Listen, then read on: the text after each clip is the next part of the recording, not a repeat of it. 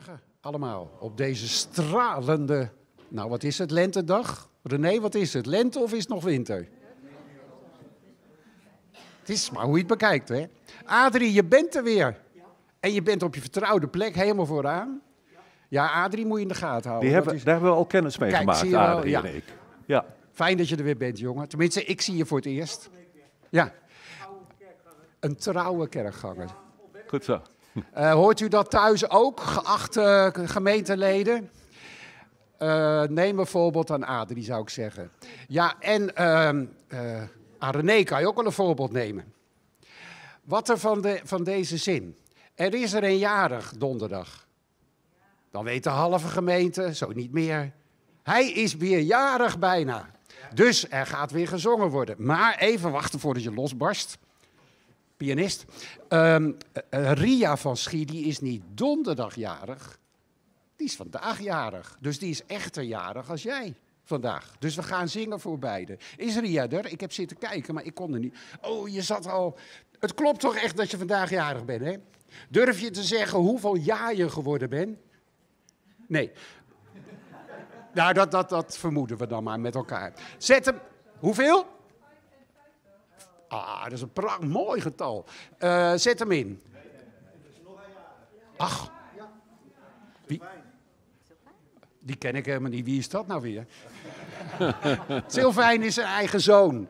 En hoe, eh, waar is Sylvijn? Ja, hoe oud is Sylvijn geworden vandaag?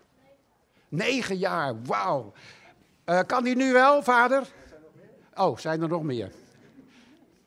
We hadden het voor de dienst even in een driegesprekje van eh, wie nou belangrijk is. Dus toen zei ik tegen de dominee van nou, die moet je in de gaten houden, want dat is de pianist. Maar ja, eigenlijk zijn die jongens van het geluid natuurlijk het allerbelangrijkste. Want zonder geluid houdt alles op hier. Rens, dus eh, jij en je team, dank je. Daar gaat hij.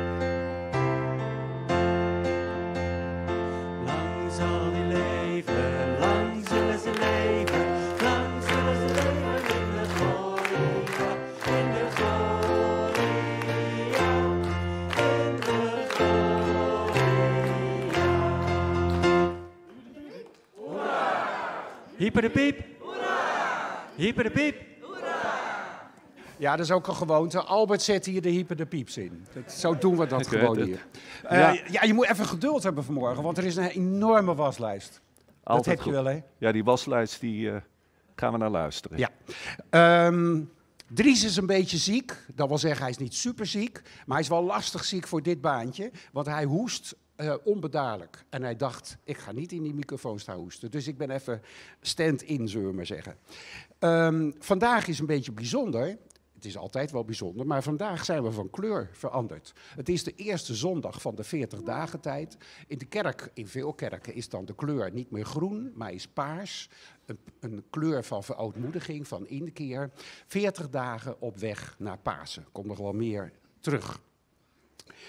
Ehm, ik heb een heel aantal filmpjes. Want vorige keer ging het een beetje mis met de uitzending, waardoor maar heel weinig mensen hebben kunnen meegenieten. Dus we gaan een beetje in herhaling. Ehm, volgens mij, Henk, heb ik er drie te gaan. Oh nee, oh nee, nee, ik heb een mededeling zonder filmpje, maar die gaat over een filmpje. Ehm Stuart vraagt om drie vrijwilligers om een bemoedigingsfilmpje te maken in het kader van de 40 dagen. Je kunt je eh, na afloop van de dienst bij Henk opgeven. Ehm, Chris Kras, hebben we daar een filmpje van? Henk? Of alleen een mededeling? Kan je het bijhouden? Chris Kras is een project in, eh, eh, van de scholen hier om in Zuidbroek ehm, eh, iets te doen. En de Fontein doet daar aan mee. En ik heb ervan begrepen dat ze onder andere spellen maken. En die spellen die kun je ook krijgen. Eh, of kopen, wat is dat? Kopen. Ja, krijgen, is, hallo. Ehm, en dat kun je regelen via Charlotte. Charlotte van der Welen. Telefoonnummer staat daar. Is, zit Charlotte toevallig ook in de kerk? Of Huip? Nee. Dus je zult het via de 06 moeten doen. Ja, Maarten, let op. En Maarten is nu even in functie eh, betaald, zeg maar. Ja, op een of andere manier hebben ze bij me nodig gehad, dus ik hoor bij die Chris Kras. En we gaan dus deze week heel officieel beginnen. En bij de, eh, bij de, waar ik nog aan zit, zeg maar, bij de receptie, Daar is iedereen welkom en er hangen ook flyers en dan kunnen ze de cadeautjes brengen. En wij zorgen weer dat het op de goede plaats komt. En aanstaande woensdag is de eerste bijeenkomst van de jury, waar ik dan ook bij hoor. Kijk, die Maarten, hè. onverwoestbaar. Ja. Eh, blijf je jong bij, toch, Maarten? Ja, wij zeggen het ook altijd. Dan hebben we nu volgens mij wel een echt filmpje. Is vorige week ook getoond, maar die gaat nu in de herhaling over Alfa. Heb je die? eh, onze onvolprezen Henk krijgt het allemaal bij elkaar.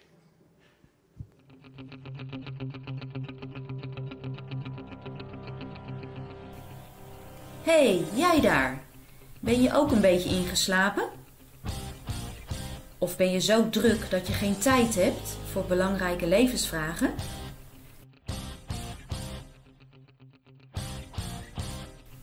Verveelt het leven jou omdat je je doel mist?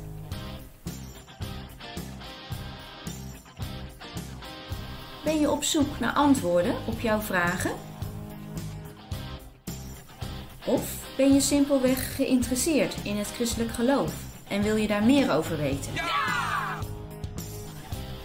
Kom dan naar de Alpha-cursus hier in het Kristal. Die wordt georganiseerd door geloofsgemeenschap De Fontein. Het zijn acht donderdagavonden met een informatief en interactief programma. We starten met een gezamenlijke maaltijd om daarna door te praten over de inhoud van het christelijk geloof en wat dat voor jou betekent. De startavond is op 12 mei om 7 uur. Welkom! Kijk voor meer informatie op onze website www.defonteinapeldoorn.nl en meld je aan.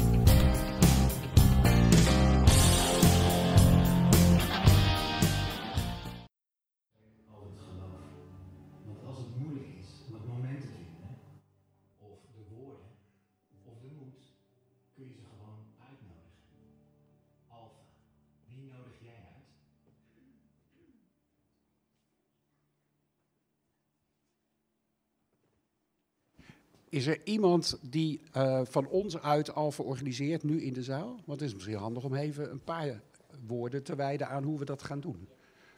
Hij staat achter me. Oh, je kunt, ja, doe maar zo. Ehm, nee, ik ben inderdaad, eh, we gaan als eh Fontijn gaan we Alpha organiseren. Ehm, er komt nog meer informatie, wordt gedeeld. Ook in de berichten-app gaan we een paar voorbeeldappjes doen die je kan gebruiken om mensen in jouw omgeving uit te nodigen. Of bijvoorbeeld een eh, gifje of zo, eh, zoals je nog wel eens bij een tikkie eh, ziet, van kom bij Alpha, zodat we over levensvragen en dergelijke kunnen praten. Dankjewel, Bart. Nou, ehm, eh, red je het allemaal nog? Eh het is bijna klaar. Alleen nog de collectors. Ik ben helemaal onder de indruk wat er allemaal gebeurt. Ja, er gebeurt heel wat, ja. ja. Ja. ja. Eh, we hebben uiteraard weer twee collectors, doen we altijd. We hebben ehm, eigenlijk twee diaconale collectors, merkte Joop op. Dus Joop, hoe ga je het nu doen met de D en met de F? Krijgen de mensen het eerste F of toch gewoon de eerste... Wat is het? Dan maak ik het zelf onduidelijk. Joop, waar zit je? Ja. De F is de eerste collecte en de D is de tweede collecte. Ja, dat mensen het even weten. Eh, de F-collecte gaat over het gemeentediaconaat. Dat, eh, eh, volgens mij is dat ook een Apeldoornse collecte. Heb ik het goed? Het is voor de Apeldoornse, het is niet voor heel Nederland, maar mensen in Apeldoorn die een extraatje nodig hebben, daar is deze collecte voor. De tweede collecte is een heel stuk verder, in Rwanda. En dat is een eh, kleinschalig project van Kerk in Actie. eh, voor, eh, waar zusters, ik, ik, ik kon niet helemaal uitvinden wat voor zusters, maar dat zullen wel van een of andere congregatie of zo zijn. Die trainen en die helpen boeren in hoe ze hun land kunnen bewerken. Dus dat is een mooi kleinschalig eh, project waar je heel direct bij kunt helpen. Dus de eerste voor Apeldoorn en de tweede voor Rwanda. Zo kun je het ook zeggen, dan weet je het. Nou, hè, het is Truut. Welkom. Dankjewel, Giel. De tweede keer volgens mij, hè? De tweede keer, ja. Eind augustus eh, 2020 was ik eh, op het industrieterrein. Ja. In een bedrijf van iemand, ik weet niet meer van wie. Ja, van een van onze gemeenten. Ja. Ja, dat klopt. Ja.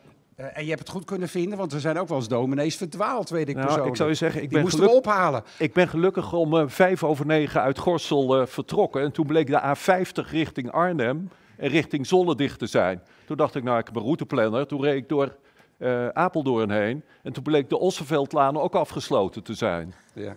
Was ik even blij dat ik op tijd ging.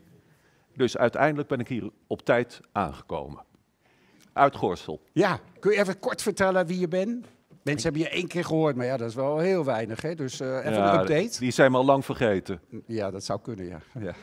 Eh, ik ben een, eh, ja, een emeritus predikant, gepensioneerde predikant. Zeven jaar geleden ben ik met pensioen gegaan. En ik voel me eigenlijk best ja, een jonge oudere, zoals het heet. Nog heel erg vitaal. 72 ben ik. Maar toen kwam ik Maarten tegen, de vrijwilliger bij jullie. En die vertelde mij dat hij 93 is. En toen voelde ik me weer geweldig jong. Nou, dus dat, eh, ik ben met pensioen gegaan. Eh, ik ben wat je tegenwoordig dan noemt klassispredikant geweest, het laatste voor 12 jaar. In Zuid-Holland. Ik heb met Marjolein Engelberts heb ik in de beroepingscommissie gezeten van eh, de Scriba René de Reuver, zes, zeven jaar geleden. Nou, dat is het zo'n beetje. Ik doe nog van alles. Eh, en onder andere naar de Fontein komen, waar ik ook nog in zit. Ik zit nog in de landelijke commissie die een verdiepingsrapport over het ambt moet schrijven. En daar zit Ilonka Terlouw, jullie wel bekend. Die zit daar ook in, die hier ook voor gaat. En ik schrijf het Nieuw-Testamentisch gedeelte. Dus dat komt een keer ook naar al die pioniersplekken en gemeentes. En wat ze zeiden op een gegeven moment, waar gaat dat nou heen, zo'n predikant met zo'n toga? Herbert, je schrijft een duidelijke, charismatische theologie. Daar komen we in die richting. Moeten we dat wel willen? Ik zeg maar, als het Nieuwe Testament dat dan zegt, dan moeten we toch die kant op. Nou, daar wordt wel het een en ander over gezegd verder. Even iets anders nog. Ik ben in toga. Ik dacht, zal ik mijn toga nou aantrekken of niet? Drie redenen heeft dat. Jullie predikant, Stuart Muller, preekte afgelopen week in Gorsel. En hij had de zwarte toga met de witte bef aan. Dat is de eerste reden waarom ik dacht, die trek ik nu ook aan. En de tweede reden is dat Marjolein Engelberts natuurlijk als rechter, we hebben er wel eens een keer over gehad, die zegt van als je hier staat, dat is, sta je er niet namens jezelf. Net zoals met de rechter, die staat er niet namens zichzelf. Die vertegenwoordigt, zou je zeggen, het recht. Zo mag ik Christus vertegenwoordigen. Ik sta niet namens mezelf. En dat geef ik eigenlijk met deze toga. Misschien zou het een witte toga moeten zijn. Hè? Nadenken dat Christus de opgestane is. Daarom heb ik hem vandaag aangetrokken. Combinatie van redenen. Ik hoop dat jullie eh, daarmee kunnen leven. Ja, zo niet. Zeg het maar, dan trekt hij hem gewoon zo weer uit hoor. Dat doet hij ter plekke. Ja. Nee, dat is niet de bedoeling. Ehm, fijn dat je er bent. Onze eigen Herbert is een weekendje aan het wandelen. Die loopt het Pieterpad met zijn vrouw. En dan hebben we een soort. Lene Herbert, toch? Ja, Ja, dat is fijn. Herbert komt niet zo vaak voor die naam. Nee, zeker niet. Ehm wij hebben de dienst samen voorbereid. En jij had wel een heel duidelijk idee met, daar gaan we het over hebben. Ja. Kun je daar iets over, je hoeft niet je preek alvast te houden, maar Nee. iets vertellen? Dus eh, begin van de 40 dagen tijd. Men zegt ook wel de lijdenstijd. Ja, dat, de ene gebruikt deze termen, de ander die termen. Toen dacht ik, waar ga ik het nou over hebben? Wat is nou belangrijk aan het begin van de 40 dagen tijd of de lijdenstijd? En toen kwam ik uit bij de kern, het eerste hoogtepunt in het evangelie van Marcus, Marcus 8. Waar Jezus een tweetal vragen stelt. Hij kondigt ook aan dat hij gaat lijden, maar hij stelt een tweetal vragen aan zijn discipelen. En de eerste vraag is: wie zeggen de mensen dat ik ben? En dan sommen ze van alles hoor. Dat horen jullie in de preek dadelijk. En de tweede vraag is: maar wie zeggen jullie dat ik ben? Wie ben ik volgens jullie? Dat is een hele centrale vraag, zou ik zeggen, aan het begin van de 40 dagen tijd en de lijdenstijd. Wij, jullie, moeten dat ook voor elkaar, ik, moet dat ook beantwoorden en daar gaan jullie over horen in de preek. Dat is het. Dankjewel. Voordat we gaan eh, beginnen, wil ik graag met jullie bidden. Vader in de hemel, we zijn blij dat we hier weer kunnen zijn met zoveel. Als van ouds, samen zingen, samen luisteren naar u. Elkaar ontmoeten straks bij de koffie. We bidden voor degenen die thuis eh, meekijken. We bidden dat ze zich voldoende betrokken zullen voelen, zullen weten, aangesproken zullen worden. Wilt u tot ons allen spreken? Wilt u daar Herbert voor gebruiken dat hij woorden van u zal spreken? We danken u dat we uw geest hebben. Dat is toch het grote verschil sinds Pinksteren. We hoeven het niet alleen te doen, met af en toe een heel erg begeesterd iemand. Maar uw geest woont in ieder van ons, tot in de kleinste, tot in de oudste van ons toe. Wilt u door die geest deze tijd tot ons spreken? Dat vragen we u in de naam van Jezus. Amen. Ik wens u een goede dienst. Dankjewel, Giel. Wij gaan met elkaar zingen uit de psalmen, die hele oudere liederen. 24, 1, 2 en even kijken en couplet 5. Daar gaan we dan.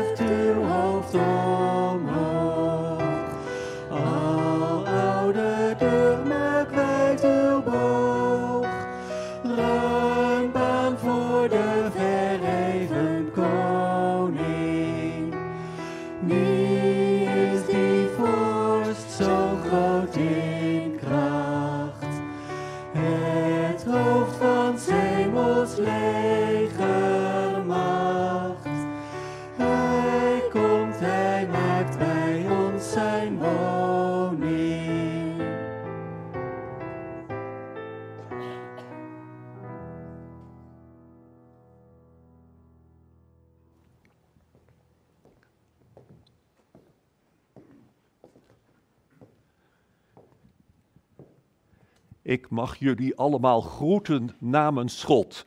En ik mag zeggen dat onze hulp komt van die God die hemel en aarde gemaakt heeft.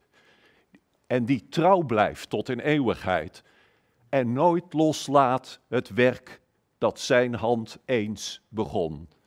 Genade zij jullie en vrede van God onze Vader en van Jezus Christus de Heer. Amen. Het is altijd belangrijk dat de gemeente dat beaamt. En dat niet de dominee dat zelf zegt. Want die heeft de woorden al gesproken. Dus nog een keer. Amen. Goed zo.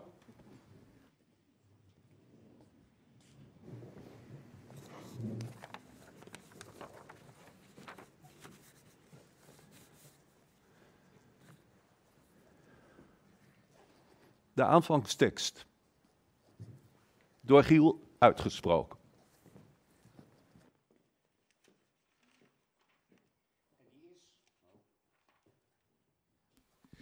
Die is uit 1 Johannes 5, het eerste vers. Ieder die gelooft dat Jezus de Christus is, is uit God geboren. En ieder die de Vader lief heeft, heeft ook lief wie uit hem geboren zijn.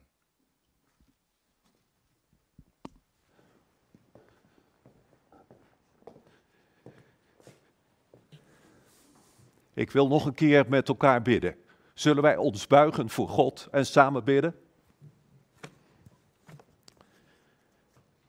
Grote God, kom ons nabij om ruimte te maken in ons leven door weg te doen wat ons aankleeft, ons in de weg zit of ons hindert. Geef ons de kracht om schoon schip te maken en vernieuwde mensen te worden, naar het beeld van onze Heer Jezus Christus.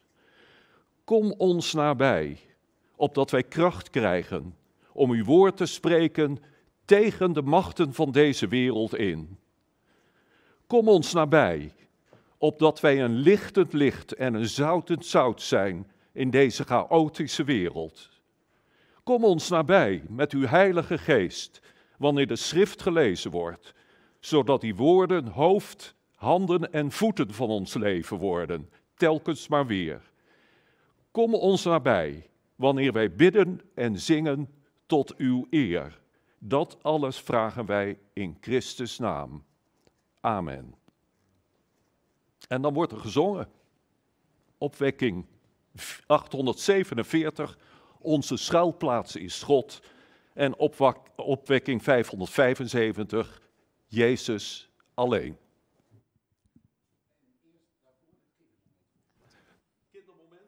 Even iets te snel. Er werd mij ook wat glazig aangekeken, zo van er moet nog wat gebeuren. Het kindermoment. We hadden daar even wat mee geschoven in de liturgie, dus ik had nog wat later staan, maar dat moet wat eerder.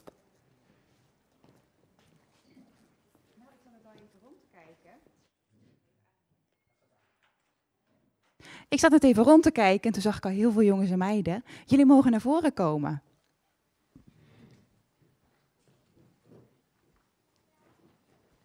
Mag je even lekker gaan zitten hier op de grond? En misschien weten jullie nog wel dat jullie de afgelopen keren bij de kinderkerk het spannende verhaal van koningin Esther hebben gehoord. En we weten nog steeds niet hoe het afloopt, maar dat gaan we vandaag horen.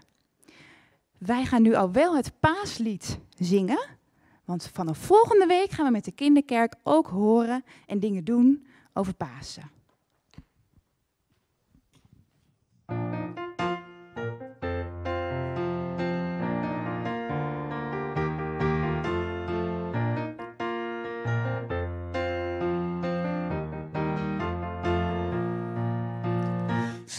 Op weg naar Pasen. Samen op weg de toekomst tegemoet. Samen op weg naar Pasen. Samen op weg en weten het komt goed. Samen op weg naar Pasen. Geweldig dat dat kan en dat dat mag. Samen op weg naar Pasen. En delen in Gods liefde elke dag. Stilstaan bij zijn intocht in de stad Jeruzalem. Stilstaan bij Hosanna tot de woorden kruisig hem. Stilstaan bij zijn angsten, bij zijn pijn en het verraad. Maar weten dat het leven dankzij hem naar Pasen. Samen op weg de toekomst tegemoet. Samen op weg naar Pasen. Samen op weg en weten het komt goed. Samen op weg naar Pasen. Geweldig dat dat kan en dat dat mag. Samen op weg naar Pasen. En delen in Gods liefde elke dag stilstaan bij de dingen die Hij voor ons heeft gedaan. Stilstaan bij het kruis dat je op Golgotha zag staan. Stilstaan bij zijn leven dat Hij voor de mensen gaf. En stilstaan bij de vrouwen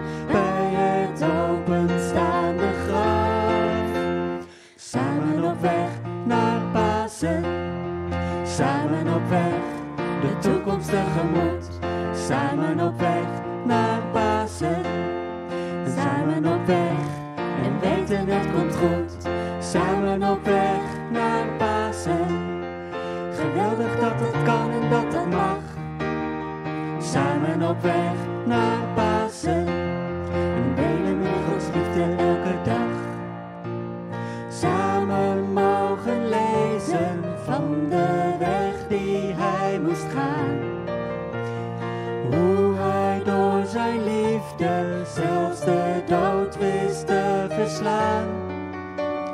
Voelen dat hij meegaat, voelen dat hij in ons leeft. Het wonder van het paasfeest dat er is weer een toekomst geeft. Samen op weg naar Pasen, samen op weg de toekomst tegemoet. Samen op weg naar Pasen, samen op weg weten het komt goed. Samen op weg naar Pasen, geweldig dat dat kan en dat dat mag. Samen op weg naar Pasen en delen in Gods liefde elke dag.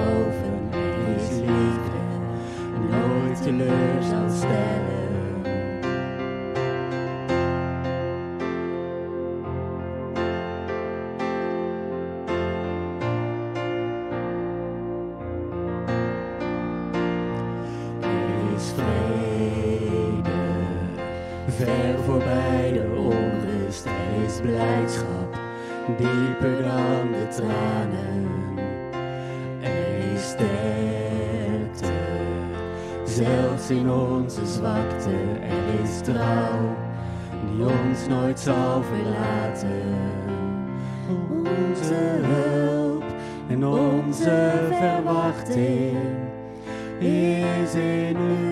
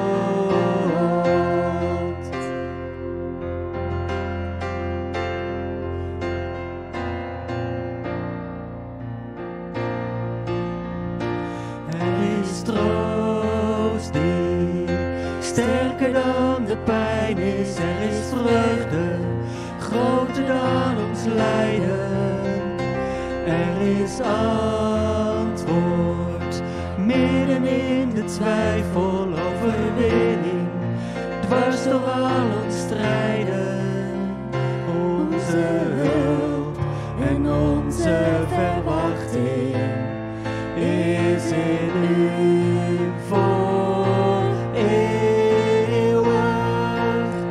Dus richten wij onze harten naar boven.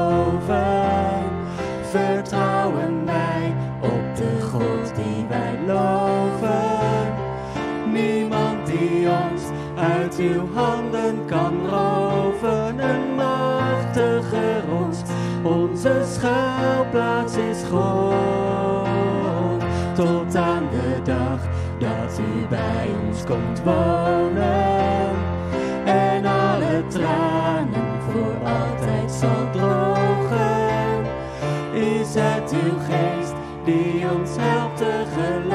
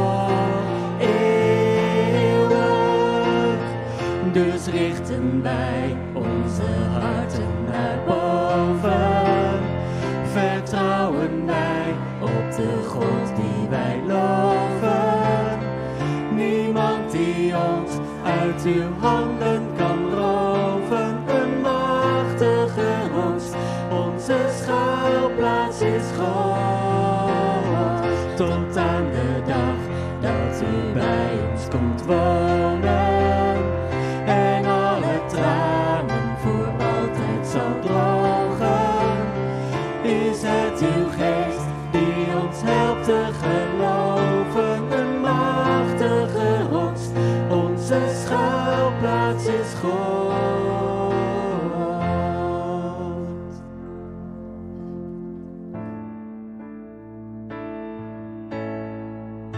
Jezus alleen, ik bouw op Hem. Hij is mijn hoop, mijn lied, mijn kracht. Door stormen heen hoor ik Zijn stem. steadfast.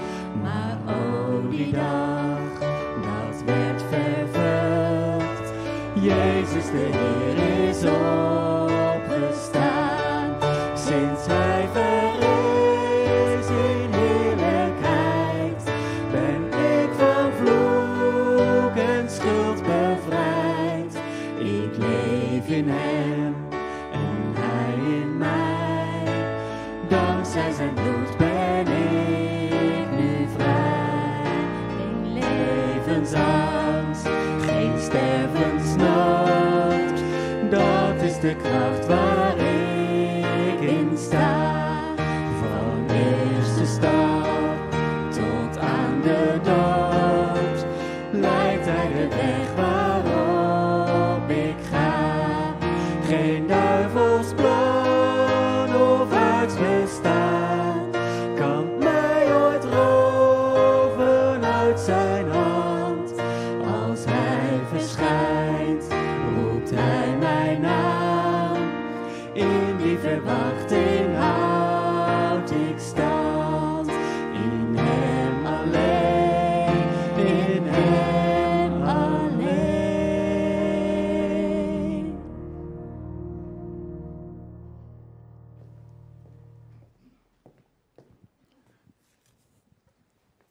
Gaan toch opnieuw zingen. In onze kerk, het is een brede kerk, waar verschillende muzikale tradities zijn. En daar hoort ook het liedboek bij. Dus wij gaan nu aansluitend aan opwekking lied 1008 zingen. Heel bekend, rechter in het licht verheven.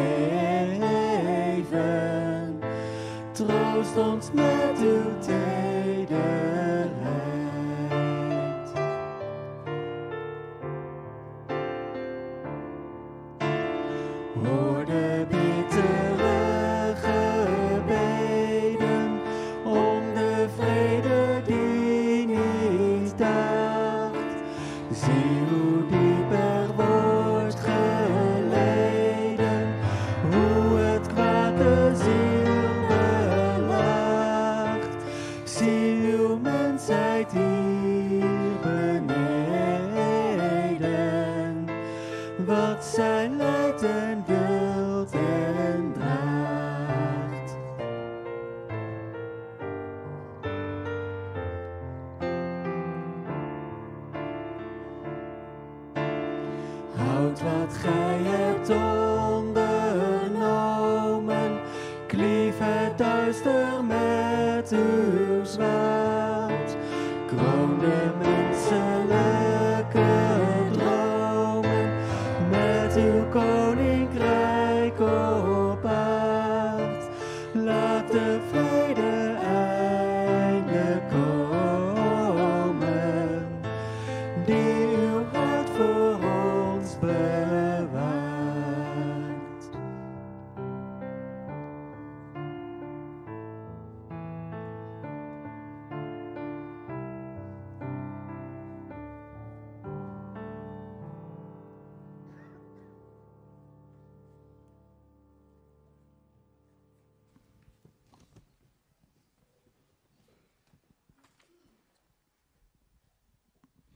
Er zijn vanmorgen twee schriftlezingen. Eén uit het boek Jezaja. Jezaja 61. Er staat boven profetie over de komende glorie. Jezaja 61 vers 1 tot met vers 3. De geest van God, de Heer, rust op mij. Want de Heer heeft mij gezalfd. Om aan armen het goede nieuws te brengen, heeft hij mij gezonden om aan verslagen harten hoop te bieden, om aan gevangenen hun vrijlating bekend te maken. En aan geketenden hun bevrijding, om een genadejaar van de Heer uit te roepen. En een dag van wraak voor onze God, om allen die treuren te troosten, om aan Sions treurenden te schenken. Een kroon op hun hoofd in plaats van stof vreugdeolie in plaats van een rouwgewaad, feestkledij in plaats van verslagenheid. Men noemt hen terebinten van gerechtigheid, geplant door de Heer als teken van zijn luister. Tot zover de profetie van Jezaja, die door Jezus aangehaald wordt als hij leest, in de, voorleest in de synagoge. Maar het gedeelte wat wij gaan lezen komt uit Marcus uh, 8, vers 27. En daar staat, Jezus vertrok met zijn leerlingen naar de dorpen in de buurt van Caesarea Philippi. Onderweg vroeg hij aan zijn leerlingen, Wie zeggen de mensen dat ik ben? Ze antwoordden, Johannes de Doper. En anderen zeggen Elia. En weer anderen zeggen dat u een van de profeten bent. Toen vroeg hij hun, en wie ben ik volgens jullie? Petrus antwoordde, u bent de Messias. Hij verbood hun op strenge toon om met iemand hierover te spreken. Hij begon hun te leren dat de mensenzoon veel zou moeten lijden en door de oudsten van het volk, de hoge priesters en de schriftgeleerden, verworpen zou worden en dat hij gedood zou worden, maar drie dagen later zou opstaan. Hij sprak hierover in alle openheid. Toen nam Petrus hem apart en begon hem fel terecht te wijzen. Maar hij draaide zich om, keek zijn leerlingen aan en wees Petrus streng terecht met de woorden: Ga terug achter mij, Satan. Je denkt niet aan wat God wil, maar alleen aan wat de mensen willen. Tot zover de lezing uit het Evangelie. We zingen uh, lied 512 uit het nieuwe liedboek, de eerste drie versen.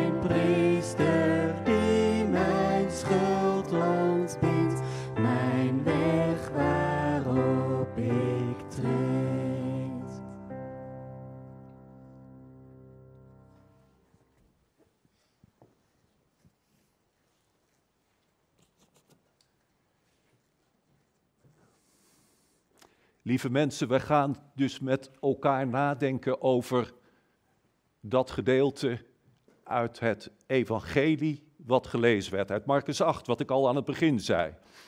En wat doet Marcus in zijn evangelie? Die onthult stap voor stap wie Jezus is.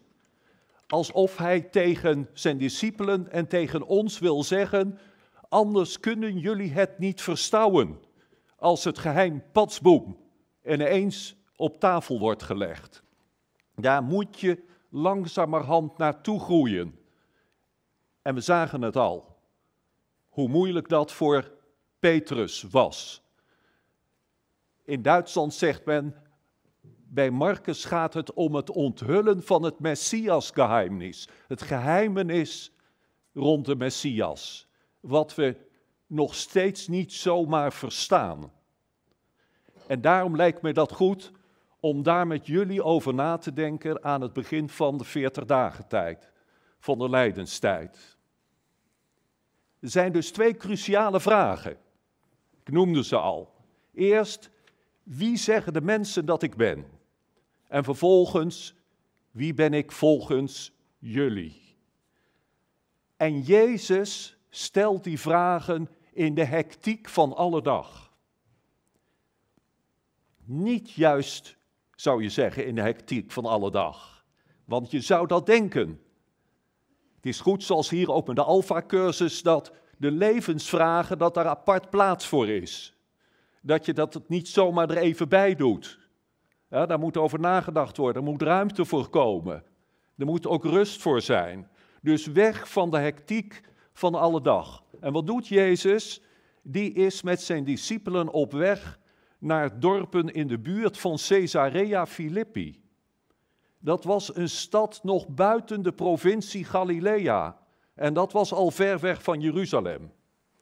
Nog verder dus dan de buitengewesten van het Joodse land. Bovendien was het een heidense stad. Maar Jezus trok nog veel verder het heidense land in. In de richting van de Hermon. In de richting van de bronnen van de Jordaan. Even zou je kunnen zeggen, er helemaal uit. Je zou het kunnen zien als een retraite. Of misschien wel een heiweekend. Even los van de dagelijkse routine. Zoals dat ook bij ons het geval zou kunnen zijn. Dan kunnen bepaalde onderwerpen, we hadden dat over, daar moet je ruimte voor maken, rust voor hebben. Dan kunnen ze deze twee kernvragen pas echt goed overdacht worden. En in zekere zin is de zondag, helaas is dat niet meer in onze maatschappij, is de zondag ook zo'n rustmoment. Dat we met elkaar samen kunnen komen. Dat we daarover kunnen nadenken waar het echt in het leven om gaat. En die vragen en de antwoorden daarop, die houden ons in leven. Die rust en die afstand tot het leven van alle dag is dus ook nodig voor de vraag over wie Jezus is en welke Jezus we volgen. Het lijkt zo'n vanzelfsprekend antwoord dat Petrus gaf op de vraag wie hij eigenlijk is. U bent de Christus, Jezus en Christus. Ze lijken zo vanzelfsprekend bij elkaar te horen, als een voornaam en een achternaam. Maar wat voor betekenis draagt die achternaam Christus of Messias? Dat betekent gezalfde.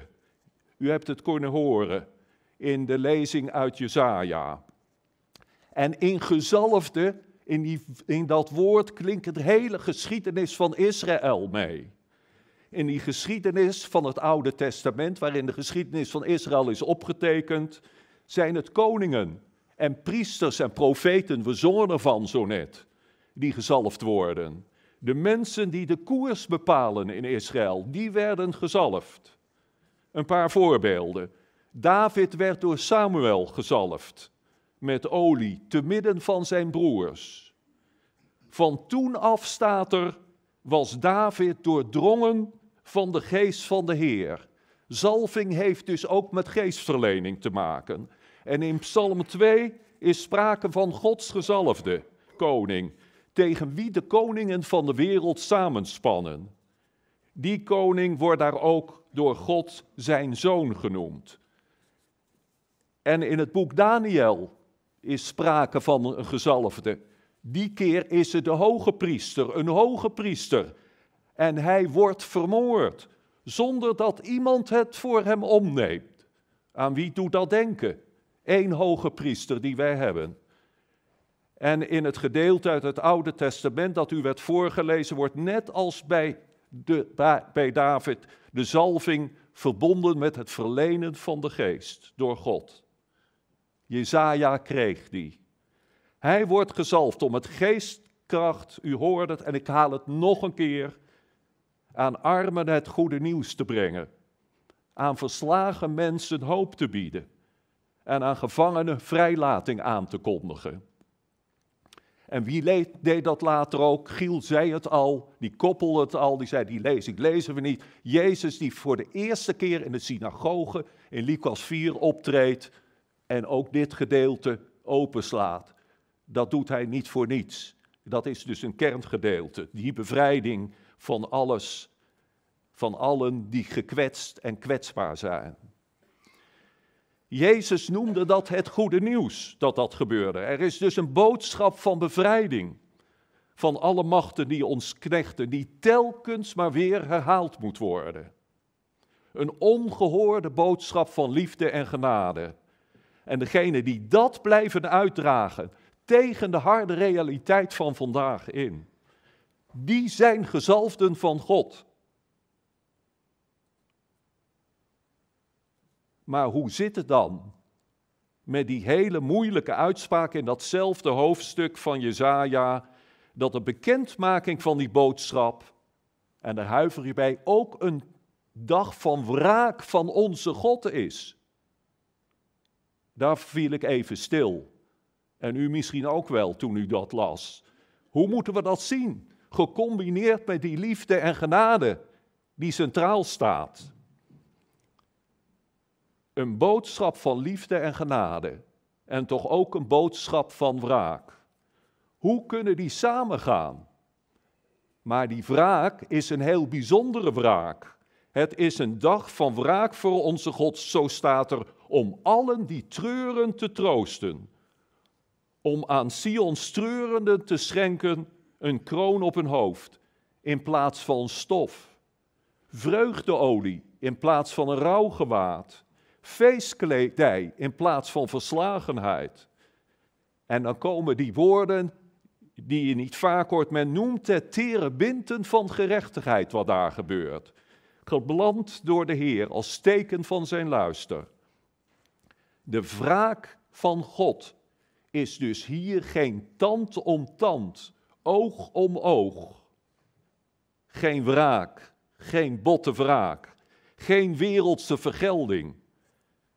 Maar Gods wraak is de blijvende, troostende aankondiging van deze bevrijdende, goede boodschap van gerechtigheid. Tegen alle afbraak en ellende in. Terebinten zijn namelijk altijd groen blijvende bomen. Deze boodschap van gerechtigheid, zegt Jezaja, die verwelkt dus nooit. Dat is Gods boodschap aan Israël en aan u en mij. Maar nu zult u misschien denken, dat klinkt allemaal wel mooi, maar dat is nu in de verste verte geen realiteit in de wereld. Daar worden we nu weer keihard aan herinnerd. Maar in Jezus' tijd was dat ook al zo. Het uitdragen van die boodschap van gerechtigheid riep en roept grote tegenstand op. Toen en nu. Dat geldt voor allen die zich inzetten voor mensenrechten, of het nou gelovigen of seculieren zijn. Zaken die daarmee te maken hebben, die bespreek je niet zomaar. Die behoren ook tot de levensvragen, die bij Alfa besproken kunnen worden. Hoe, hoe, hoe hangt dat nou allemaal samen met elkaar? Daar is dus de bezinning van de zondag en de rust van andere momenten voor nodig. En Jezus die beseft dat. En daarom zoekt hij rust en ruimte op. Maar goed, laten we kijken nu hoe Jezus dat bespreekt met zijn discipelen. Hij vraagt eerst hoe de wereld over hem denkt. Wie zeggen de mensen dat ik ben? Nou, dat is heel verschillend. U hebt het kunnen horen en kunnen lezen. Hij wordt gezien als de boeteprofeet Johannes de Doper of als de profeet Elia, waarvan geloofd werd dat als hij terugkwam, de komst van de Messias aanstaande was. Of ze dachten aan een van de andere profeten, die met het beeld van de eindtijd verbonden was. Veel mensen zagen hem toen dus als een profeet, soms als de teruggekeerde Elia, die het laatste der tijden inluidt, maar niet als de Messias. Want met de Messias of de Christus, de ultieme gezalfde, de echte grote gezalfde met een hoofdletter, dan zou toch alles anders moeten worden. Dat leek ook toen al in de verste verte niet het geval. Ze leefden immers in Israël onder de knoet van de Romeinen. Maar ook, we zien dat vandaag, maakten de kwade, de harde machten, de machten van de wereld zich breed. Hoe wordt er vandaag tegen Jezus Christus aangekeken? Heel uiteenlopend. Zoals dat eeuwen het geval al is. Soms met eerbied of met respect, maar vaak ook met afkeuring. Een paar jaar geleden was ik in Zutphen vlak voordat COVID-19 begon bij een lezing van de schrijver Adriaan van Dis. Die woonde daar toen nog vlakbij in Eefde. Ik raakte met hem in gesprek. Toen hij vroeg en hoorde wat ik deed, antwoordde hij zomaar ineens dat hij Jezus een irritante man vond. Nou, daar wilde ik nog wel het even met hem over hebben. Maar ik kreeg eigenlijk al niet meer de ruimte. Want er kwamen andere mensen die vonden het belangrijk om met Adriaan van Dis te gaan spreken.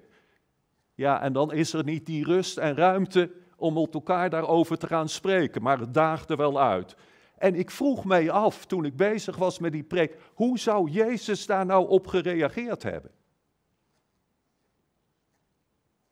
Ik denk dat er geen mens is, ook Jezus niet, die niet door zo'n typering zou zijn geraakt. Maar ik denk dat hij die mening terzijde gelaten zou hebben. Gelaten zou hebben voor wat hij is. Zoals er veel meningen in die tijd zijn. Hij was er in ieder geval benieuwd naar wat de mensen over hem dachten. Maar hij weerspreekt het niet. Hij laat ze staan als gegeven. Het is niet altijd zinvol om daarop in te gaan. Als mensen al een geharnaste positie hebben ingenomen van afkeuring, dan kan je soms maar, dan wil je er wel tegen ingaan. Dat wilde ik ook. Ik dacht, nou zal ik Adriaan van Disset eens even gaan vertellen. Maar toen dacht ik, ja, misschien is het ook maar beter niet. Daar is rust en ruimte voor nodig uiteindelijk. Het is opvallend dat Jezus dan eigenlijk niet met een antwoord komt. Op de meningen van deze wereld, zei ik al. Dat zou je verwachten. Integendeel, hij stelt nog een vraag aan zijn discipelen. Niet over de mensen in de wereld, maar aan zijn discipelen, aan u en mij. Wie ben ik volgens jullie? Dat is voor ons allemaal de centrale vraag. Maar dat was toen een ongewone vraag, omdat het er tussen een meester en zijn leerlingen, zijn discipelen, anders toeging dan vaak vandaag het geval is. De leerlingen waren toen meestal de vragende partij en de meester gaf het juiste antwoord. Ik denk dat het vandaag de dag op school, op de universiteit ook niet meer zo is. Dat het meer interactiever is, om het zo maar te zeggen. Maar bij Jezus is het hier andersom. Hij bevraagt hen, u en mij. Vragenderwijs daagt hij hen uit zonder zelf al een antwoord te geven eerst. Hij daagt u en mij om te zeggen wat wij vinden dat hij is. Daar wil hij ons antwoord op. En dat antwoord hoeven wij niet in het luchtledige te geven. Petrus ging ons voor. Hij ging, gaf als eerste antwoord: U bent de Messias, de Christus. Maar dan zien we dat Jezus die beleidenis niet zomaar omarmt, maar ook hier zeer terughoudend is. Hij wil dat ze er met niemand over spreken buiten de eigen kring van discipelen. Waarom? Je zou dat toch van de daken willen schreeuwen. Daar zijn een paar redenen, waren een paar redenen voor op dat moment. Allereerst een strategische. Want als die benaming rondgebazuind zou worden op dat moment, zou dat vermoedelijk meteen al problemen hebben gegeven met de Joodse en de Romeinse overheid. Die waren beducht voor messiassen die ze opstonden om de zaak op hun kop te zetten, het rijk over te nemen. Die moesten meteen in de kraag gegrepen worden. Waar zien we dat vandaag meer? Ze waren doodsbang dat die de macht zouden overnemen. Dan hadden ze hem waarschijnlijk al eerder opgepakt, zodat hij niet naar Jeruzalem zou zijn gekomen om de goede boodschap van bevrijding te verkondigen in die beoogde stad van vrede, die het centrum van de wereldse machten was geworden.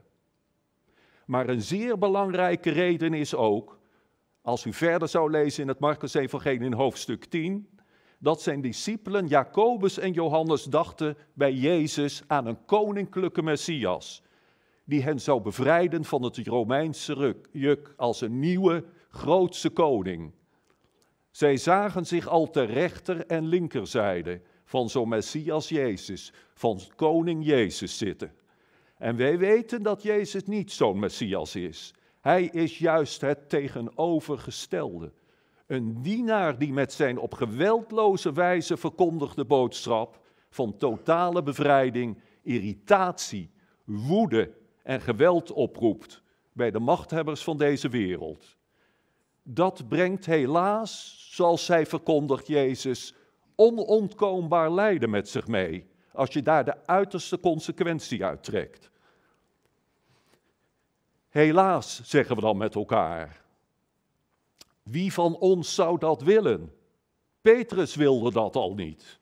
Daarom valt hij tegen Jezus uit. En wij willen dat toch ook niet? We zingen er wel over, maar o wee als het puntje bij paaltje komt. Dan zal het ongemakkelijk voor ons allen zijn en meer dan dat. En Jezus, het lijkt hier in de eerste aankondiging van zijn lijden en dood alsof hij die volledig aanvaard heeft. Maar u en ik weten dat hij in gebed en gesprek met God daar tot in Gethsemane mee geworsteld heeft of hij die weg moest gaan. Zijn boodschap van bevrijding is voor ons allen niet zomaar een gemakkelijke boodschap waar we even over kunnen zingen, maar het is ook een confronterende boodschap. Niet alleen voor de wereld, maar ook voor onszelf en zeker ook voor de kerk. Hoe vaak heeft de kerk niet gemene zaak gemaakt met de machthebbers van deze wereld? Zoals nu de leiding van de Russisch-Orthodoxe Kerk doet. U hebt het in het RD of in Trouw kunnen lezen, of u hebt het over de radio of op de televisie gezien. Het hoofd daarvan, de patriarch van Moskou, die in dezelfde beveiligde zone als Poetin woont, weet ik uit goede bron, die riep op tot een gebed om eenheid en vrede met de woorden, let u op, mogen de Heer de Russische bodem beschermen. Hij nam het woord Oekraïne niet in de mond, maar hij bedoelde dat ook. Dat is de, het geestelijke opperhoofd die zijn zaak verbindt aan Poetin. Daarmee gaf hij geestelijke toestemming aan Poetin om Oekraïne binnen te vallen al zei hij het niet rechtstreeks. Terwijl het juist om een kerk moet gaan. In Christ, die in Christus dienstbaar is aan bevrijding van de machten die ons knechten. Een kerk die dus geen dienaar is van de onderdrukkende machten van deze wereld, maar die er is voor de geknechten en voor hen die zoeken naar verbinding en verzoening. Dankjewel. Die kerk zal Gods kerk zijn omdat Jezus als Godsgezelfde en geliefde zoon een dienende leider is. Omdat hij niet zichzelf zocht, maar kwam om de wereld te redden. Ons en Gods schepping. Ik was laatst bij een begrafenis waar mijn vrouw deed die begrafenis in Lochem van mensen die wij heel goed kennen, die jaren in de Verenigde Staten en in Engeland hebben gewoond en sinds een aantal jaren terug zijn gekomen. En hun zoon die woonde in de Verenigde Staten, die was overgekomen, was in december dit. En deze zoon die zegt, waar gaat het bij Jezus om? Even in het Engels, en dat vat het eigenlijk samen. Hij is de ultieme dienaar, hij is de servant leader. En dat moeten we met z'n allen vasthouden. Dat is een ongelofelijke boodschap, een moeilijke, confronterende, maar ook een hoopvolle boodschap. Met Hem is er toekomst tot in de eeuwigheid. Amen.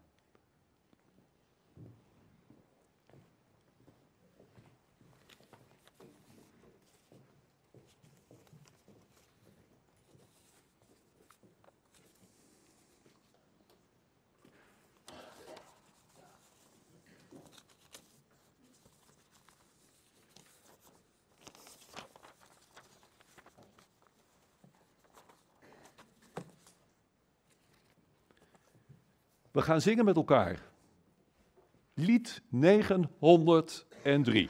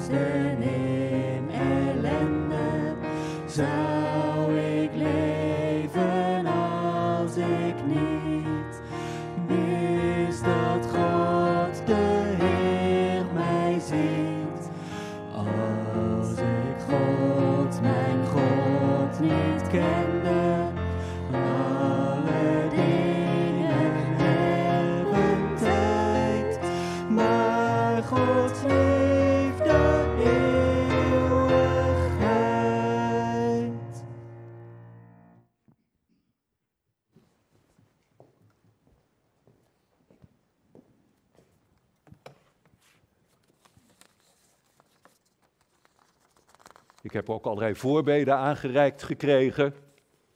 Dat is ook eh, mooi. Die nemen we mee in het gebed.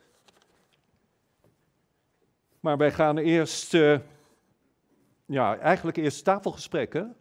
Zullen we dat maar eerst doen voordat we gaan bidden? Kunnen we nog even terugkomen op datgene wat gezegd is? Misschien interactief wel. Ja, ze, ze, ze weten niet wat ze over. Doet hij het wel? Ja, ze weten niet wat ze overkomt, want dat hebben we hier eigenlijk nooit meer gedaan. Maar jij hebt natuurlijk de vorige keer in de, op de ecofactorij gezeten en daar hadden we een tafel en daar Ja. deden we een tafelgesprek. Ja. Dus je stelde het nu voor en ik dacht, ik ben altijd wel gek voor zo'n gesprek. Dus we hebben, maar we hebben meer een preekstoelgesprek, zeg maar. We gaan gewoon rondjes lopen. En, ja. Giel, Giel die heeft de lead. Oh, oké. Ehm, eh, nou, mag ik als eerste opmerken, eh, tenminste eh, eh, wat mij raakte. Die Adriaan van Dis die zegt dat Jezus zo'n irritante man is. Ja, Ik vind dat eigenlijk een prachtige samenvatting van wat je gezegd hebt. Ja. Hij is inderdaad ook irritant, omdat je zit er altijd weer naast. Het is irritant voor de mensen die niks met hem willen eh, van hem willen hebben natuurlijk, dat snap ik ook wel. Maar het is ook irritant, die zei het zelfs, ook binnen de kerk. Ja. Dat je toch andere beelden van Jezus hebt, of misschien wel hele vrome beelden. Maar pas op, wat hij vraagt, ja, dat is allerminst vroom, dat is aan het werk en dat is lijden. En dat kan dood betekenen. exact. En dat, dan, dan, dan, dan schrompel ik. Ja. ja. Dus er zit een, eh, eh, een heftige prikkel, vind ik, naar ons allen. Je kunt natuurlijk zondag aan zondag prachtige liederen zingen. O Jezus, hoe vertrouwd en goed klinkt mij uw naam. Het is een van mijn lievelingsliederen. Van ons allebei. Ja, Maar je kunt het blijven zingen. Maar als dat niet in je praktische gedrag eh, te zien is, wat koop je ervoor? Ja. Hoe zou Jezus, die zo vertrouwd en goed in je oor klinkt, er zelf over? Wat hij de servant leader zei. de servant leader. Ja. ja. Dat is hij. En dat geeft ons tegelijkertijd dat je denkt, oh wie zijn wij? Maar hij draagt ons in zijn liefde als de opgestane ook. In ons onvermogen. Dat je denkt, blijf ik daar ooit? Als deze dingen van mij gevraagd worden overeind. Dan denk ik, maar hij draagt ons ook. Hij is de, tegelijkertijd ook de opgestane. We kunnen niet over Pasen en over lijden preken zonder dat we ook weten hebben van de opstanding. Van een goede afloop. Waarvan je soms denkt, als je naar alle ellende kijkt, huilende moeders, honderdduizenden mensen die de grens overgaan. Dat je denkt, houd het nou nooit op. Maar daarom moeten we die woorden hier blijven spellen. Blijven zingen. Blijven nadenken, rust en ruimte met Alfa. Zo houden we elkaar vast en zal Jezus ons blijven dragen. Ik wil nog één ding noemen. Aan het eind, dat zullen we allemaal wel gemerkt hebben. Volgens mij was je echt emotioneel geladen. Want het is heftig wat er gebeurt in Oekraïne. En het is als kerkganger, en jullie weten hoe ik gek ben met die Oosters-Orthodoxe kerk, snijdt het door je ziel hoe, hoe die patriarch van Moskou erin staat. Dat heeft hele lange historische wortels. Een van onze grote zonden als westerse kerk is dat we eindeloos elkaar de, de, de, de, de kerk uitgejaagd hebben. Want we waren niet goed genoeg. We, we, we, dus die enorme versplintering bij ons, dat, dat, dat, dat klaagt ons aan. Want Jezus zegt aan die eenheid allemaal ben je van Jezus, allemaal geloof je, zullen de mensen weten dat de Vader mij gezonden heeft. Dat is de zonde van het Westen, vind ik. De zonde van het Oosten is dat ze altijd zich gecompromitteerd hebben. Dat, dat altijd die kerk de veilige plek bij de staat, bij de macht, bij de keizer. De keizer heette vroeger, in het, oosten zelfs, uh, de pantocrator, de eretitel voor Jezus, de albeheerser. Zo heette ook de grote keizer van het Byzantijnse Rijk. En dat zie je nu nog terug. Dus een van de dingen die, die. Waarom doet die man dat nou zo? Die draagt de last, de ballast van eeuwen. En zeer kort geleden, dat weten we waarschijnlijk allemaal nog wel, heeft de Oekraïense kerk het, het, het, het lef gehad om te zeggen. Wij horen niet meer bij Moskou. Wij zijn niet meer Russisch, we zijn algemeen orthodox. En de hoogste patriarch van de kerk, die van Constantinopel, die zei dat is oké. En dat heeft ontzettend veel pijn gedaan. Dus Poetin en Piemen, hoe heet hij? De, de, de, Kirill. Kirill uh, die hebben samen, het zijn broeders in, in, in, in, in slechtheid. Want hij gaat de, Russische, de, de Oekraïnse kerk een lesje leren. En dat, dat snijdt door je ziel. Maar als, je, als ik je nu, nu naar je luister en Jezus hoor, Ah, als Jezus er hierover zou praten, dan zou hij dat ook zeggen. Maar hij zou het vervolgens bij mij leggen. En Giel en Herbert. Hoe is het bij jou dan? Ja. En dan word je inderdaad nederig. En gelukkig hebben er 333 geestelijken uit de Russisch-Orthodoxe hoek, dat hebt u ook kunnen horen, die hebben een petitie ondertekend dat de oorlog moet stoppen. Die nemen dus ook een groot risico in Rusland, maar ze hebben het gedaan.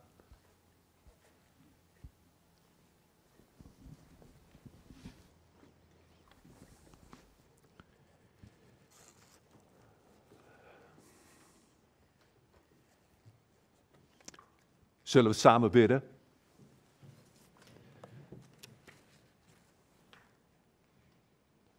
Genadige, almachtige en nabije God, wij danken u voor Jezus Christus, uw Zoon, onze Heer en Verlosser. Zonder Hem verdwalen wij en weten wij de weg niet. Zonder Hem kennen wij uw hart niet. Door Zijn opwekking, door U hebben wij toekomst. Wij danken u uit de grond van ons hart. God, sla uw arm heen om de leiders en de bewoners van de Oekraïne. Verlos hen van het monster van de oorlog met al zijn verwoestingen. Verlos hen van de leiding van een broeder- en zustervolk dat over hen wil heersen. Verlos Poetin van zijn verblinding dat een rijk met broeders en zusters kan worden opgebouwd met geweld. Verlos hem van de verblinding dat wij mensen een heilig rijk zelf zouden kunnen bouwen. Alleen van u komt het koninkrijk. Wij bidden voor een eensgezind Europa, waar recht en gerechtigheid leidend zijn en waar naaste liefde centraal staat. Wij bidden voor ruimhartige opvang van hen die uit de Oekraïne op de vlucht zijn. Wij bidden voor saamhorigheid in ons land en in de politiek. De politiek die dreigt te versplinteren. Wij bidden voor deze geloofsgemeenschap de Fontein, dat zij een lichtend licht mag zijn in Apeldoorn en omgeving. Wij bidden voor hen die moedeloos zijn geworden door de lange periode dat COVID-19 ons leven bepaalt. Dat zij in dit voorjaar nieuwe energie mogen opdoen. Wij bidden voor hen die ziek zijn en daardoor in het aardse geen toekomst meer hebben. En we bidden voor hen die verdrietig zijn omdat zij een partner hebben die ziek is. Of omdat zij rouwen omdat zij een geliefde verloren hebben. Wij bidden voor de vader van Edward van het Hof, die ernstig ziek is door corona en kanker heeft. Hij wil nog zo graag onder ons blijven, maar ziet tegelijkertijd ook uit naar een toekomst bij Jezus. We bidden voor René. We bidden voor hen die, die, die jarig zijn. Ria van Schrie en Sylvain Bakker. Voor anderen die dat zijn waarvan we het niet weten. Heer, laat er zelf ook allemaal handen en voeten geven aan de voorbeden. Om mensen na te staan die dat nodig hebben. Er is zoveel waarvoor we zouden kunnen bidden. We vragen u om een paar momenten van stilte. Om datgene wat aan dit gebed ontbreekt, waarin het tekort schiet, wat niet genoemd is, om dat in stilte eraan toe te voegen en voor u neer te leggen.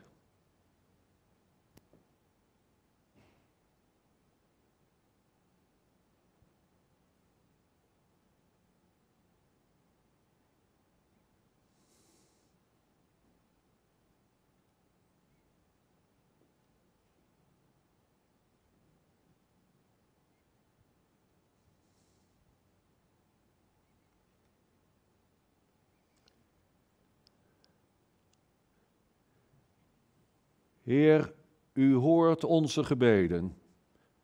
En wij vertrouwen met een bekende theoloog in onze wereld, in onze kleine wereld, die eens zei: U, God, regeer de wereld door de gebeden van uw kinderen. Laat dit waar worden. Dat vragen wij in Christus' naam, die ons samen heeft leren bidden. Onze Vader, die in de hemel is uw naam worden geheiligd, uw koninkrijk komen, uw wil geschieden, in de hemel alzo ook op de aarde. Geef ons heden ons dagelijks brood en vergeef ons onze schulden, zoals ook wij onze schuldenaars vergeven. En leid ons niet in verzoeking, maar verlos ons van het kwaad, want van u is het koninkrijk en de kracht en de heerlijkheid in eeuwigheid. Amen.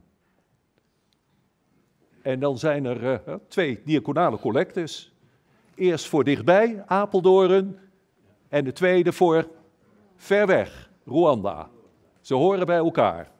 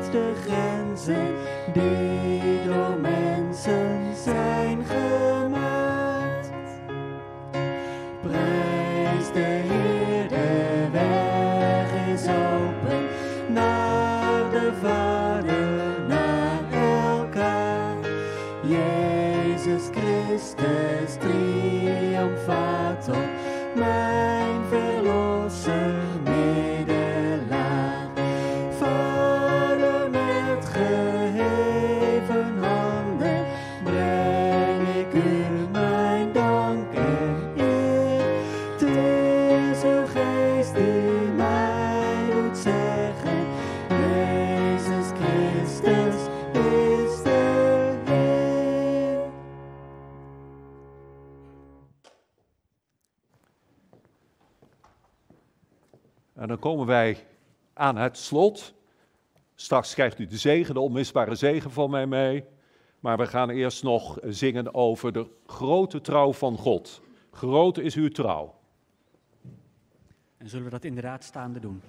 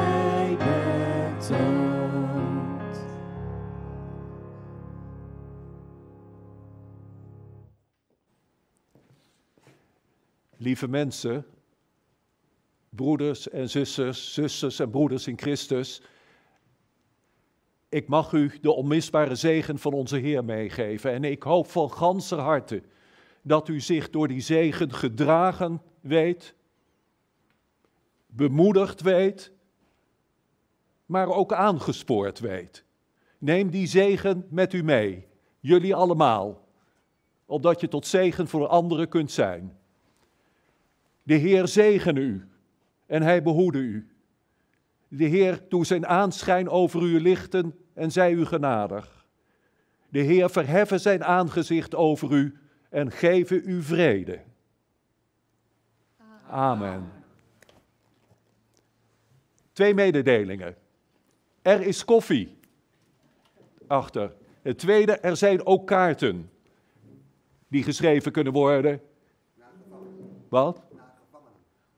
Naar, uiteraard naar gevangenen. Hoe kan het ook anders? Eh, zou ik zeggen met een tekst van Jesaja 61 die geklonken heeft. Over de bevrijding hè, van allen die geknecht worden. Neem die kaarten, onderteken ze en stuur ze. En ik zou zeggen, een goede zondag verder.